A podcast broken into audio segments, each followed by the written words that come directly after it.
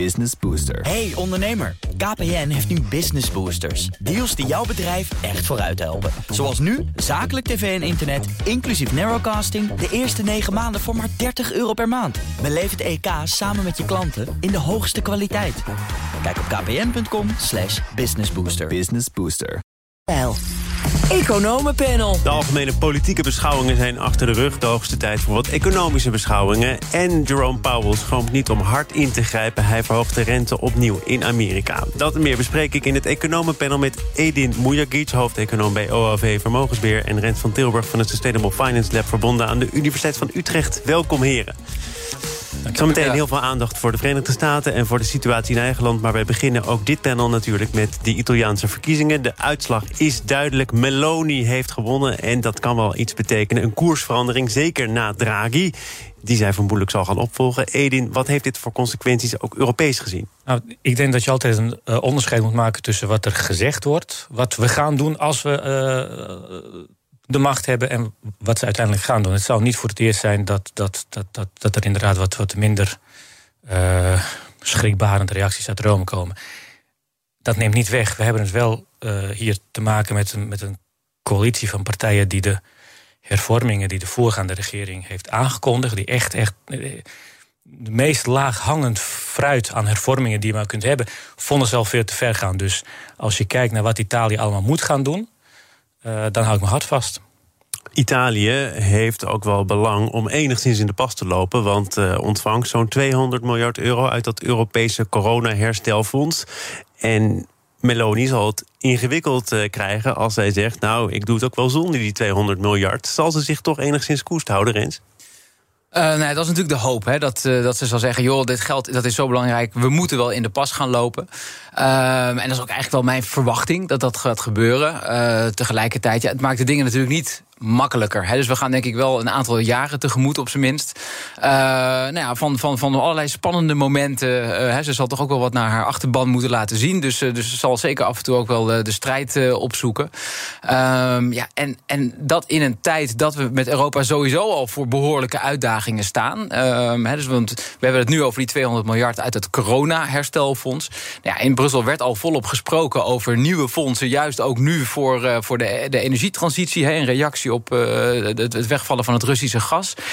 Ja, dat zijn natuurlijk sowieso al hele ingewikkeld uh, uit te leggen uh, maatregelen in het noorden van Europa. Ja, en als dan in Italië dit de toon is, dan maakt dat het allemaal niet, uh, niet makkelijker op. Is het ook niet logisch dat dat in Italië een beetje de toon is? Omdat ondernemers daar in de problemen komen. En zij ook de verkiezingen heeft gewonnen met de, de belofte... ik ga er wat aan doen. Dus zij wil opnieuw gaan onderhandelen over dat corona-herstelfonds. Maar heeft ze ook niet gewoon een begin van een punt... dat je ook op dit moment ondernemers te hulp zou kunnen schieten... en dat grote thema's als digitalisering en verduurzaming... allemaal leuk en aardig zijn... maar dat je ook vandaag mensen in de problemen moet helpen?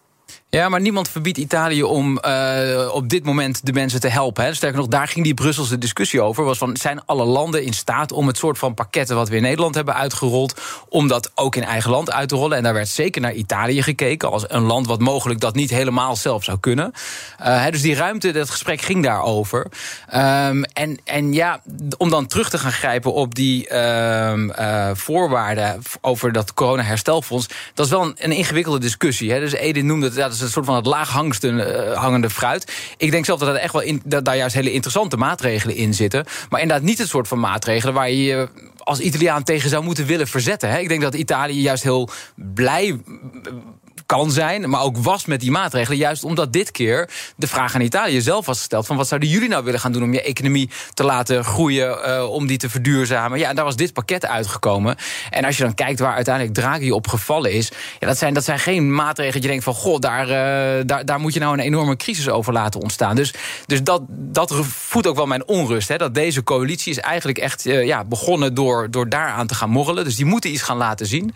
Um, ja, aan de andere kant, hè, wel belangrijk om, om daarbij te bedenken altijd... Italië heeft de afgelopen decennia ook heel veel dingen goed gedaan. Hè. Dus we hebben vaak een beetje het beeld van in Italië is het allemaal één grote puinhoop. Uh, maar Italië is eigenlijk zuiniger geweest dan landen als Nederland en Duitsland... Uh, de afgelopen 30 jaar. Vaker een, wat dan heet een primair overschot op de begroting gehad. Ze hebben ook meer hervormd. Uh, meer, meer van de aanwijzingen uit Brussel opgevolgd... dan een land als Nederland of Duitsland. Dus Italië heeft wel degelijk ook heel veel dingen goed gedaan... Maar desondanks, en dat verklaart denk ik ook ja, de wens voor Italianen voor verandering, is die economie de laatste twintig jaar een soort van stilstaand geweest. Hè. Dus waar ze in de jaren, eind jaren negentig ongeveer een vergelijkbaar welvaartsniveau hadden als Duitsland, zitten ze daar nu 25% onder. En die dynamiek, die begrijp ik wel heel goed. Dat de Italianen zeggen, ja, er moet wel iets gaan veranderen. Kijk, als je, als je eh, economie één of twee jaar niet groeit, dan kun je zeggen het komt door externe factoren. Als je economie twintig jaar niet groeit, dan ligt het toch waarschijnlijk aan het land zelf. Nou, maar de externe factor die daar ook in meespeelt, is dat de euro toen werd ingevoerd. Dus je ziet eigenlijk vanaf het moment dat die lierenkoers werd uh, vastgekoppeld aan alle anderen, dat vanaf dat moment uh, het ja, als het ware achteruit aan het kachelen is. Dat betekende ook dat ze moesten de lonen naar beneden toe, uh, toe brengen. Dat hebben ze ook gedaan. maar, maar juist daardoor hadden Italiaanse bedrijven weer weinig prikkel om te investeren in innovatie. En, nou, dus dat is volgens mij de grote vraag voor Italië. Is hoe krijgen we die innovatie, die productiviteitsgroei weer aan de gang? Maar, maar jij zegt, Edin, het ligt toch voor een deel wel degelijk aan het land zelf. Ja, maar laten we ook, ook niet vergeten, voor de euro was het ook niet, geen uh, economie in Europa die ene record aan het vestigen was qua groei.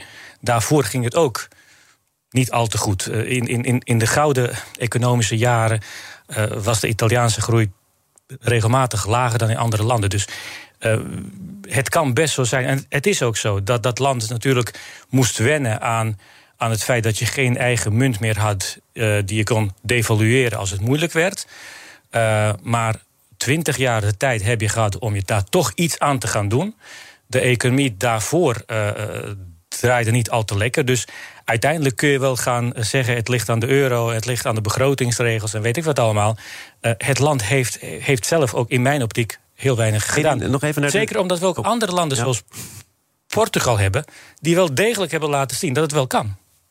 Edin, ik wilde met jou nog even naar de, de financiële markten. Want ja. uh, dat lijkt tot nu toe enigszins rustig te blijven. Maar de verwachting is dat de spread zou kunnen oplopen. Hè, het verschil in rente tussen Duitsland en Italië. Nou, dat stelt dan weer de ECB voor bepaalde uitdagingen en vraagstukken.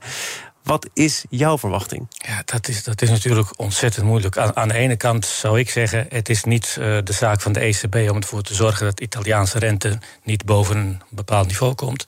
Aan de andere kant geldt wel, als dat wel gebeurt, heb je een probleem, niet alleen in Italië zelf, maar in de hele muntunie.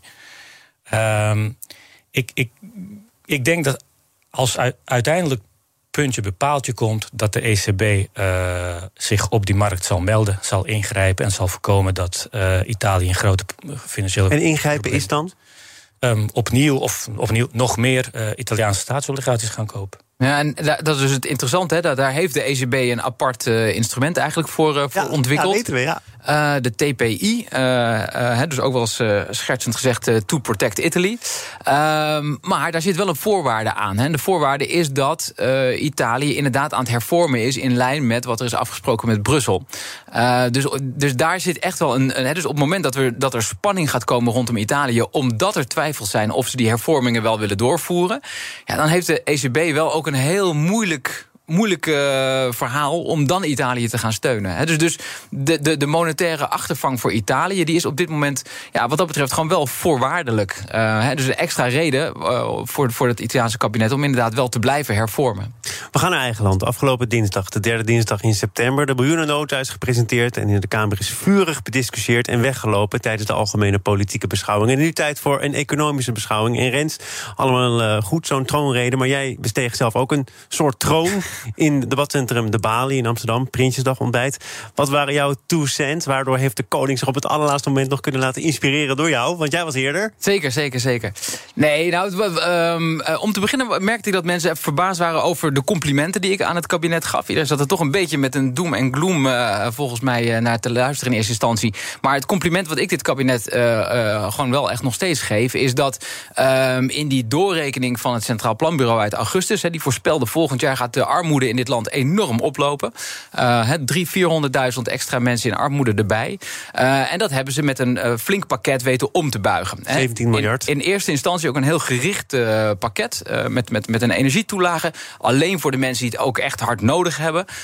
het laten stijgen van de minimumloon, hè, waar je ook weer precies die groep mee, mee pakt. Dus dat vond ik heel erg, heel erg goed. Tegelijkertijd, ja, mijn, mijn troonrede had als, als, als, als titel niet alles kan. want er is inflatie, er is meer vraag dan er aanbod is op dit moment in, in de economie. dus als je iets doet voor één groep, dan betekent dat wel dat je niet voor alle andere groepen ook nog eens een keertje iets moet doen. En daarmee die inflatie verder moet, moet gaan aanjagen. Nou, en dat is natuurlijk waar uiteindelijk het kabinet, uiteindelijk nog de avond voor, voor Prinsjesdag, met, met dat plafond aan de energieprijzen, nog eens een keertje. maar dat kwam al bovenop, zeg maar, de, de, de algemene brandstofaccijns die naar beneden ging, de AOW die mee omhoog ging met, met de minimumlonen. Dus uiteindelijk gaat er nog heel veel geld ook die hele economie in. Ja, en dat is denk ik wel een heel gevaarlijke ontwikkeling. Edin, uh, jij hebt eerder vorige week gezegd... je kunt in deze situatie niet te veel doen. Je moet er maar voor lief nemen dat er cadeautjes in zitten voor mensen die die cadeautjes niet per se nodig hebben. Maar toch, als je wat economen op een rijtje zet en Rens voegt zich daar nu bij, dan zeggen ze allemaal: ja, maar het gaat economisch helemaal niet zo slecht. Er dreigt een soort uh, verhitting te ontstaan. Het is niet doelmatig. Uh, Bas Jacobs, Lex Hoogtuin, Rens van Tilburg. Nou, dat is een heel rijtje economen. Matthijs Bouwman. Een, een rechtskabinet doet linkse dingen voor de mensen. Ook niet allemaal even goed te verantwoorden. En blijf jij bij je standpunt dat het toch zo moet? Kijk, als je macro-economisch naar kijkt, dan, dan kun je een heel plausibel verhaal uh, houden dat de economie eerder dreigt uh, te hard te groeien dan te langzaam te groeien uh, op het moment. Maar dat neemt niet weg dat je 10, 15 procent van Nederlandse huishoudens hebt die gewoon gingen slapen met het idee van kan ik de rekeningen deze maand nog wel gaan betalen. Neemt niet weg dat je steeds meer bedrijven, steeds meer ondernemers hebt gehad die met dezelfde zorgen zijn gaan slapen. Dus dat uh, het kabinet met een pakket maatregelen is gekomen om te, toch te proberen zoveel mogelijk die onrust weg te nemen. En ik sluit me helemaal aan bij, bij Rens. Je kunt niet alles uh, en iedereen volledig compenseren. Maar we hebben het afgelopen jaren heel vaak gehad over het belang van, van gezonde overheidsfinanciën, lage staatsschulden. En uh, dat, dat, dat, dat ja, doe je niet. Ik ook trouwens hoor. Nee, natuurlijk, maar dat doe je niet uit een soort hobby of wat dan. Dat doe je voor jaren zoals deze. Om voor jezelf ruimte te scheppen om nu mensen te gaan helpen. Om nu bedrijven te gaan helpen. Want uh, je kunt heel moeilijk, vind ik, nu volhouden dat de problemen die ondernemers nu uh, uh, meemaken, dat het hoort bij een normaal ondernemersrisico. Dit is geen normaal ondernemersrisico. Als je gasrekening of energierekening van 10, 15.000 voor een bedrijf naar 50.000 oploopt. Het is geen uh, uh, normaal ondernemingsrisico. Voor een deel is het ingegeven door maatregelen die de Europese Unie heeft genomen. Dan vind ik dat je vanwege dat argument en het economisch belang, want het gaat om te veel bedrijven die anders in problemen zouden komen, dat het wel degelijk veel voor te zeggen is dat je nu maatregelen neemt. En dat er daar, daarbij het gevaar bestaat dat een aantal mensen of bedrijven onterecht het geld krijgen. Dat kun je volgend jaar altijd nagaan. Op, uh, ja, nou, ik, ik, vind het, het heikele punt hier is wel, uh, en dat was ook nog de open vraag eigenlijk bij de, bij de uh, algemene beschouwingen, van wat moeten we nou voor de bedrijven gaan doen? Um, en ik ben daar dus wel heel terughoudend in om nu voor die bedrijven iets te gaan doen. Uh, want er wordt dus in Nederland al heel veel geld gegeven aan de consumenten. Uh, dat biedt dus ook ruimte voor bedrijven die nu met uh, allerhande prijsstijgingen te maken hebben. Want dat hebben ze natuurlijk om hun eigen prijzen ook te, te verhogen. Want wij klanten kunnen dat dan betalen. Want wij klanten kunnen dat dan betalen. Hè? Dus dat, dat is natuurlijk ook het hele idee waarom al die compensatie nu aan die consumenten wordt gegeven. Is want de, de prijzen zijn aan het stijgen. dus ik, ik, ik, en, en dan denk ik, laat het dan vooral aan die consumenten om te bepalen wie er. Hè, wie wie, er wel met in deze huidige situatie met prijsstijgingen uh, weg kan komen. En ja, wie er dan even niet uh, de ja, prioriteit iemand die een brood verkoopt, komt misschien meer weg met prijsstijgingen. Omdat we brood nodig hebben. Vinden ja. we belangrijk. Ja. Dan iemand die iets maakt wat iets minder van levensbelang nou, de is. Sauna, hè, de sauna is, is een prachtig voorbeeld. De, de, de sauna-branche wil nu ook compensatie hebben. Um, en dan denk ik, ja, we zitten met een. Uiteindelijk is dat natuurlijk de crux. We zitten gewoon met een tekort aan gas. He, dus er moet minder verbruikt gaan worden. Ja, dus dat op dit moment dan misschien de sauna uh, een paar dagen per week gaat sluiten. Dat zou ik helemaal niet zo gek vinden. dus, dus, dus ik hoor heel veel bedrijven. Ik hoorde ook de, de, de, de uh, uh, horeca. Die willen nu ook een subsidie krijgen om elektrische kussentjes buiten neer te kunnen leggen. In plaats van gasverwarmers. Dan denk ik, daar zijn we wel een beetje aan het doordraaien in dit land. Hè. We moeten misschien ook gewoon accepteren dat in een energiecrisis. we even niet in de, in de herfst en de winter op het terras kunnen gaan zitten. maar gewoon lekker binnen. Want anders dan komen we niet aan Paul Volcker te doen. Nee, en dat, zou jij nooit willen. Helemaal eens. Alleen het enige wat ik zeg is, je realiseer wel, die ondernemer die krijgt nu met heel veel tegenslagen tegelijkertijd uh, te maken. Die moet belastingaanslagen van voorgaande jaren terug gaan betalen. Die krijgt te maken met uh, hogere loonstijgingen. Die krijgt te maken met de vraag die, die misschien wat lager uitpakt, al nagelang wat je maakt. Uh, die heeft te maken met uh, gestegen rentes. Dat zijn wel heel veel dingen maar je, Jij was net nog vurig voorstander van, van compensatie. Maar je bent het ook eens met Rens dat in dit geval de sauna maar een paar dagen. Ja, je moet ervoor waken dat je niet tegen elke aanvraag van we moeten ook gecompenseerd worden automatisch ja zegt. Want er is voor altijd wel iets te vinden waarom een sector gecompenseerd moet worden. Maar om heel weinig.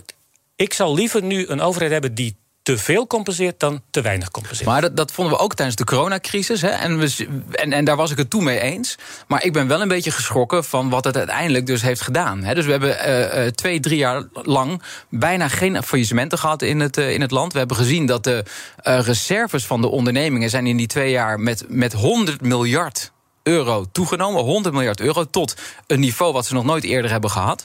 dus, dus er zit ook echt wel gewoon vet op de botten bij heel veel bedrijven. Um, en de les van corona voor mij was in ieder geval wel... we zijn toen misschien wel iets te uh, ruim geweest met, uh, met, met, met die steun aan bedrijven. Met de leden van het economenpanel, Edin Mujagic en Rens van Tilburg, praat ik over de Amerikaanse centrale bank. De Federal Reserve heeft afgelopen woensdag de rente verhoogd. Bepaald niet voor het eerst met 75 basispunten. Dit is wat Jerome Powell, de president van de Fed, daarover zei. My colleagues and I are strongly committed to bringing inflation back down to our 2% goal. We have both the tools we need and the resolve that it will take to restore price stability on behalf of American families and businesses. Price stability is the responsibility of the Federal Reserve and serves as the bedrock of our economy. Without price stability, the economy does not work for anyone. In particular, without price stability, we will not achieve a sustained period of strong labor market conditions that benefit all. Prijsstabiliteit, een term die in 30 seconden toch een paar keer voorbij komt. Dat is waar centrale bankiers op zouden moeten sturen. Dat doet uh, Powell ook, zegt hij nu. En tegelijkertijd, Edin, eh, geeft hij daarbij ook aan... dat heeft een prijs. Dat kan leiden tot een economische recessie. Het kan leiden tot tegenwind. Eh, is het in die zin dapper dat hij hier aan vasthoudt? Dit is het enige eerlijke verhaal wat je als centrale bankier volgens mij nu kunt houden. Het vergt heel veel lef om dat te houden. Want hij zegt, het betekent wel dat, dat we kunstmatig die economie wat minder langzaam misschien moeten laten groeien. Maar dit zijn de woorden die je op dit moment van een verantwoorde centrale bankier wilt horen. Die zegt: uh, Ja, wat we nu doen doet pijn, maar niets doen betekent dat we later alsnog moeten ingrijpen en doet veel meer pijn. Hij doet het wel heel slim door het, uh, door het te kaderen in die termen van nu pijn om te voorkomen dat er straks meer pijn is. Je kunt ook zeggen, uh, je moet nu ook veel meer pijn nemen, omdat je in de afgelopen jaren het, het hebt nagelaten eh, om, om de rente te, te, gaan verhogen. Maar goed, dat is allemaal wat er is geweest. Wat hij nu zegt, is, is in mijn optiek uh, exact wat je van een centrale bankier wilt horen. Ja, wat hij zegt heeft rust. de consequenties voor de gewone Amerikaan. Hypotheek wordt duurder, misschien komt er wel een baan op het spel te staan... want het zal ook gevolgen hebben voor de arbeidsmarkt. Bedrijven worden onzeker, gaan wat minder investeren. Rens, is het dat allemaal waard? Um, nou, ik, ik, begrijp. Kijk, één ding is belangrijk om te bedenken: is dat Amerika zit wel in een andere situatie dan Europa. Dus in Europa hebben we voor een veel groter deel is de, de inflatie het gevolg van uh, de energiecrisis, de gevolgen van, uh, van de Russische invasie in Oekraïne. Uh, in Amerika is het veel meer een, een homemade inflatie die ze, die ze daar hebben. En daarom is denk ik ook logischer dat ze daar ja, als, als centrale bank de rente gaan, gaan verhogen. Um, en dat dat vervolgens ja, die economie afkoelt, dat is precies uh, de bedoeling. Uh, de vraag is alleen wel hoe veel wil je dat die gaat afkoelen. Hè? Want je wil ook weer niet daarin doorschieten. En inderdaad een recessie met hele hoge uh, werkloosheid hebben... waarin allerlei mensen dus nou ja, uiteindelijk niet meer terug, een weg terug kunnen vinden... naar, naar de arbeidsmarkt. En uiteindelijk, de crux is toch met dit hele proces... is dat je wil dat vraag en aanbod een beetje met elkaar in evenwicht zijn... maar dat het aanbod zo groot mogelijk is. Hè? Want het aanbod dat is in feite waar, nou, waar, waar, waar wij allemaal van genieten elke dag uh, weer. En het gevaar is dat als je dus te hard ingrijpt, dat je uiteindelijk ook uh, ja, dat aanbod uh, pijn gaat doen en dat dat kleiner gaat maar worden. Is en dan, te hard ingrijpen dan? Nou ja, dat weten we nu niet. Wat we, wat we wel weten, is dat de centrale bank in Amerika nog nooit zo snel de rente zo vaak achter elkaar verhoogd heeft. Dus als je dit vergelijkt, wat er dit jaar gebeurd is met eigenlijk eerdere periodes van, de, van, de, van, de, van de Fed, dan is het nog nooit zo hard gegaan. En daar zit wel iets gevaarlijks in, omdat normaal gesproken centrale bankiers dus de rente verhogen en vervolgens eventjes wachten om te kijken, hey, hoe reageert de economie hierop? Uh, want want dat, het heeft nou eenmaal een hele ja, doorlooptijd nodig voordat je echt in de inflatiecijfers gaat zien van wat, wat, wat, wat heeft deze renteverhoging gedaan. Uh, nou, daar, daar is nu in Amerika duidelijk een andere koers gekozen. En het gevaar dat je dus te veel doet, dat neemt daar heel, wel heel erg door toe. En nog één ding daarbij. Uh, de Amerika speelt gewoon een hele belangrijke rol in de wereld. dus het is niet zomaar een land wat de rente aan het verhogen is. Maar je ziet dus dat in reactie daarop over heel de wereld nu alle centrale banken aan het volgen zijn. Hè? Want die zien anders allemaal die, die dollar duur worden en daarmee hun eigen inflatie hoger. Dus iedereen heeft het gevoel van ik moet mee. Nou, en als je dat dus bij elkaar optelt, wat er dus in Amerika gebeurt en hoe snel dat overal wordt gevolgd, dan hebben we in, eh, zolang als dat we deze cijfers bijhouden, hebben we nog nooit meegemaakt dat wereldwijd zo hard op de rem wordt uh, getrapt. Ja, ik denk dat er wel meevalt met andere centrale banken die volgen. Er zijn heel veel uh, westerse landen die veel eerder zijn gestart met renteverhoging. Dus je zou misschien ook, ook kunnen zeggen, de Fed volgt anderen. Uh, en twee, we weten dat dit veel te weinig is. Dat zegt de Fed zelf. Zij gaan ermee door. Dus dit is onvoldoende.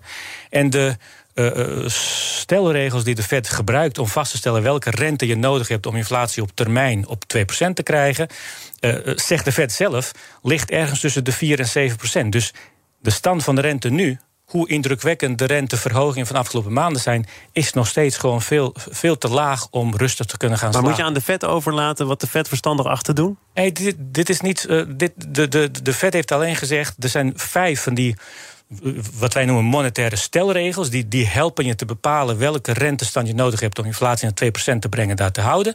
En die zeggen allemaal ergens tussen de 4 en 7% Nou, daar ben je nog bij lange na niet. Dus dit, de stand van rente nu is onvoldoende. En het feit wat, wat Renze te berde brengt, en ik ken jou ook als iemand die zijn geschiedenis wel kent, en je hebt er zelfs een boek over geschreven. Dit heeft historisch geen precedent. Het is nog nooit gebeurd. Dus we weten ook niet precies hoe dat uitpakt. Nou, wil jij wel. de reserve? We weten wel dat, dat we een soortgelijke situatie eind jaren 70 hebben gehad. Uh, dat inflatie toen ook aangepast moest worden met, aangepakt moest worden, moest worden met hele hoge rentes. Dat het toen niet populair is geweest, maar dat er wel de basis heeft gelegd voor 30 jaar van bijna aanhoudende economische groei. Dus uh, wat hij hiervoor zei, de voorzitter van de Fed, dat slaat wel ergens op. Een gro groot verschil met, met de jaren 70 is dat er op dit moment wel heel veel meer schuld in het systeem zit. Uh, waardoor een verhoging van de rente uh, veel harder kan doorwerken in, in, in de economie. En dus dat in combinatie met dat, dat nu ook de wereld gewoon veel sneller, veel meer geïntegreerd is.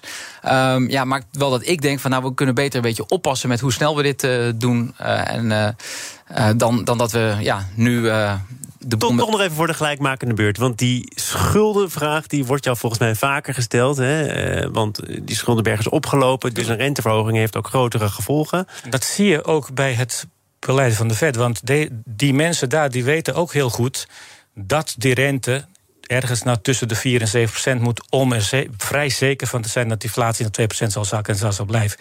De reden dat ze daar niet naartoe willen, is precies dat de schuldenberg uh, veel te hoog is. De gevolgen zouden zomaar voor ons allemaal kunnen zijn dat je voor de komende jaren rekening moet houden met lagere inflatie dan nu, wat we nu zien, want dit is echt extreem, maar wel aanmerkelijk hoger dan wat we afgelopen 10, 15 jaar zijn gewend. Heren, ik heb ervan genoten. Ik hoop dat het voor jullie ook geldt. Edin Mujagic, hoofdeconoom van OHV Vermogensbeheer en Rens van Tilburg van de Sustainable Finance Lab, verbonden aan de Universiteit van Utrecht. Dank voor jullie komst.